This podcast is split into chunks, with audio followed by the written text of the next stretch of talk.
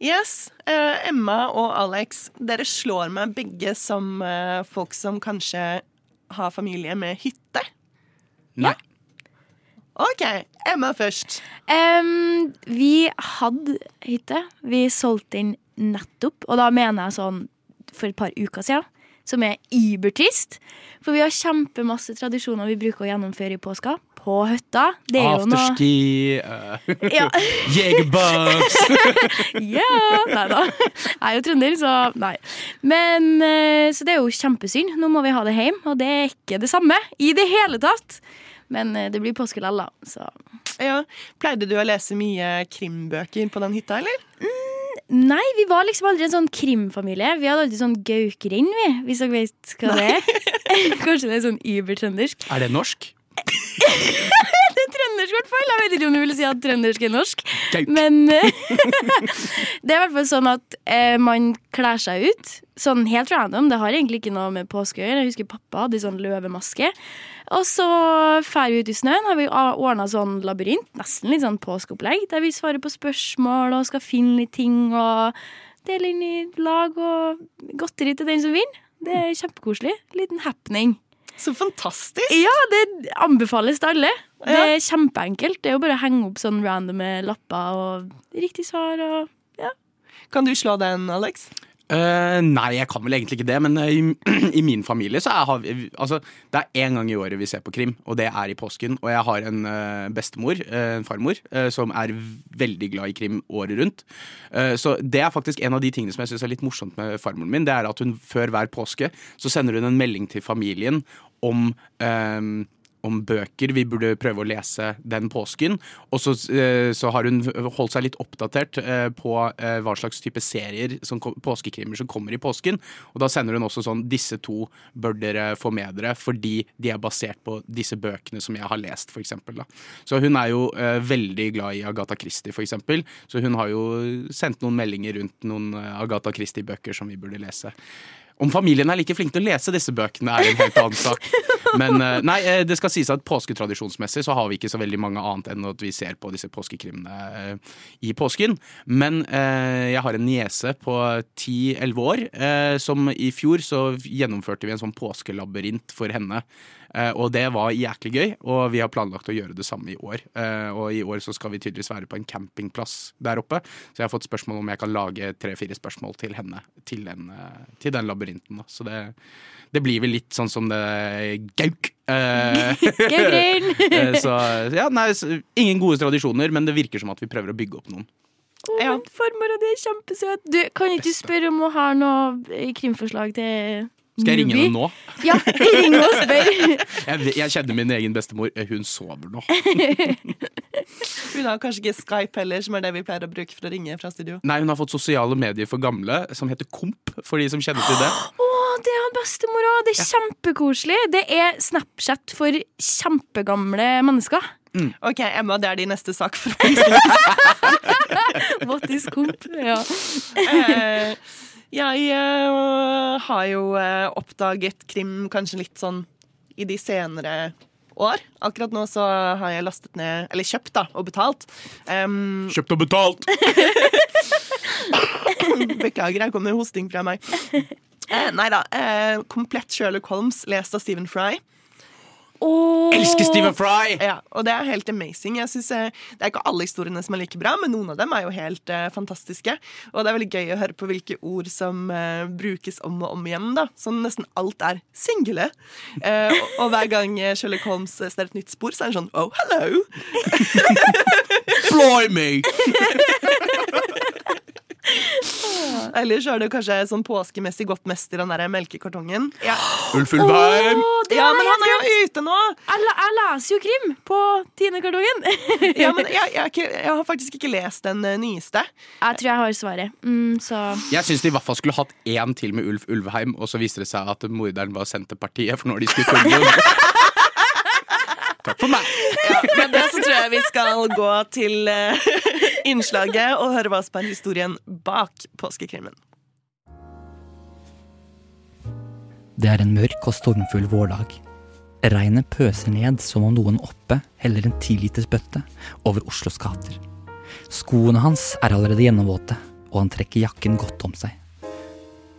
Turen har bare vart i et minutt fra T-banestasjonen til Deichmanske filial på Mjorstuen, men han kunne like gjerne tatt en dusj med klærne på.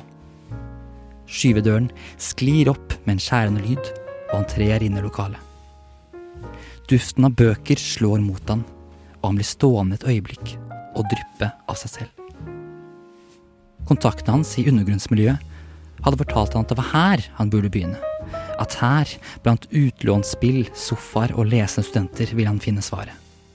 En ung, blond bibliotekar strever mot han. Han beveger seg fort innover i lokalet for å unngå den ubehagelige samtalen som vil følge. Så ser han det. Det han leter etter. Tre paller er stablet oppå hverandre, og en laminert lapp henger over. God påske, står det, med gule bokstaver og en grell tegning av et påskeegg over. På pallen ligger de, det han har lett etter. En hel haug med krimbøker. Takk, Ingar. Vær så god. Jeg veit hva du tenker. Var ikke det en litt vel dramatisk måte å introdusere en sak på? Og jo, jeg er for så vidt enig. Men det er en litt rar greie, det her. Hvordan krim har blitt nærmest synonymt med påska. Akkurat som jula og pepperkaker eller 17. mai og altfor trange sko. Vi finner krimmen overalt i påskehøytiden. Den dukker opp på lydbøker fra Radioteatret. Den entrer TV-skjermen gjennom Poirot og Sherlock Holmes. Den dukker til og med opp på melkekartongen. Og sist, men ikke minst, vi får den i bokformat. Men hvorfor? Når ble påsken krimbøkenes høytid? Dette finner jeg ikke ut av aleine. Eller jeg kunne sikkert gjort det, men det høres ut som mye arbeid. Så istedenfor setter jeg meg ned med Robin Frøyen fra Nova-programmene Lobbyen og Eventyrtimen. Og spør du, får du svaret. Ja, jeg vil si jeg har peiling på krim. For hva har egentlig William Wisting, Cato Isaksen og Harry Hole med påska å gjøre? Svaret det er faktisk akkurat det du skulle tro. Nei, hva de har med påska? Strengt tatt ingen, ingenting, sånn egentlig. Sånn, om vi skal være helt realistiske, så har det veldig lite med Jesu oppstandelse å gjøre. Det har jo det. Så påskekrimmen har altså egentlig ingenting med påska å gjøre. Det er egentlig bare et ganske sært norsk fenomen. Eller er det et særnorsk fenomen? Vi leser utrolig mye påskekrim, og det som er litt gøy når man googler litt rundt og blir litt kjent med fenomenet påskekrim, er at man oppdager at det er et særnorsk fenomen. Vi driver bare med det i Norge. Fordi det er som Robin sier, vi leser mye krim, vi skriver mye krim, og norsk krim leses flittig. Det sier kanskje sitt når bøkene til regenten av norsk krim, Jon Nesbø, har blitt oversatt til over 50 språk og solgt over 50 millioner eksemplarer over hele verden. Og ikke minst at det har ført til at Nesbø ikke bare er norsk krims statsoverhode, men også den mestselgende norske forfatteren gjennom tidene. Men hva er det egentlig med nordmenn og krim? Hvorfor er vi så opphengt i det hele? Og det kan være flere grunner til det. Noen påstår at det er fordi det er så trygt å bo i Norge. At vi har det så fint og, og rolig til hverdags at vi tenner litt på den her eh, død og fordervelse-biten. Eh, at vi må føle at vi lever litt, på en måte. Men, eh, men jo, nei, det stemmer at krim har en helt egen rolle i Skandinavia kontra andre steder. Men tilbake til påskekrimmen.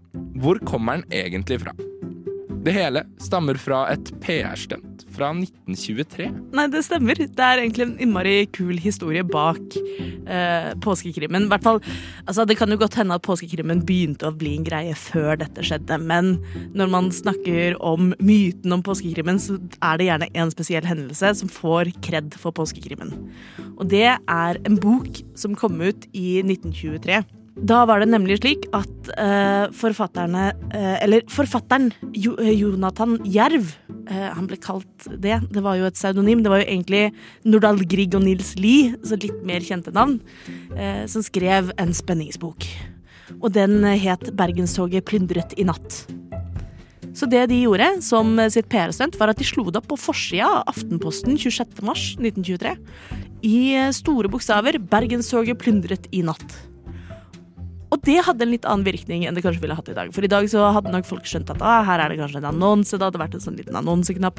Men når du trykker det på en avis i 1923, det fins ikke internett, og folk har så vidt eh, liksom, hørt fenomenet telefon, så blir folk innmari forvirra.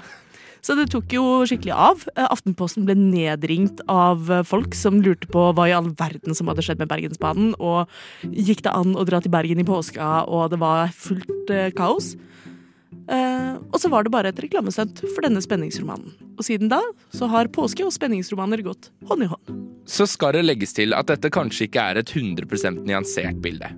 Andre faktorer kan spille inn, som det faktum at vi i Norge har en ganske lang påskeferie.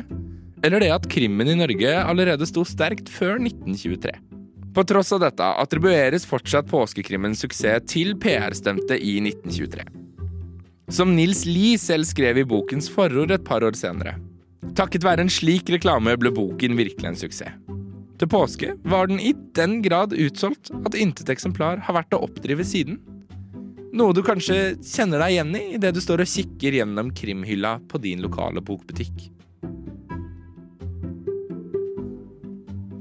Reporter i denne saken var Sander Zakaria. Eh, musikken var hentet fra Blue Dot Sessions. Og det var altså Ingar Jakob Feiring som eh, leste eh, krimutdraget i starten av innslaget.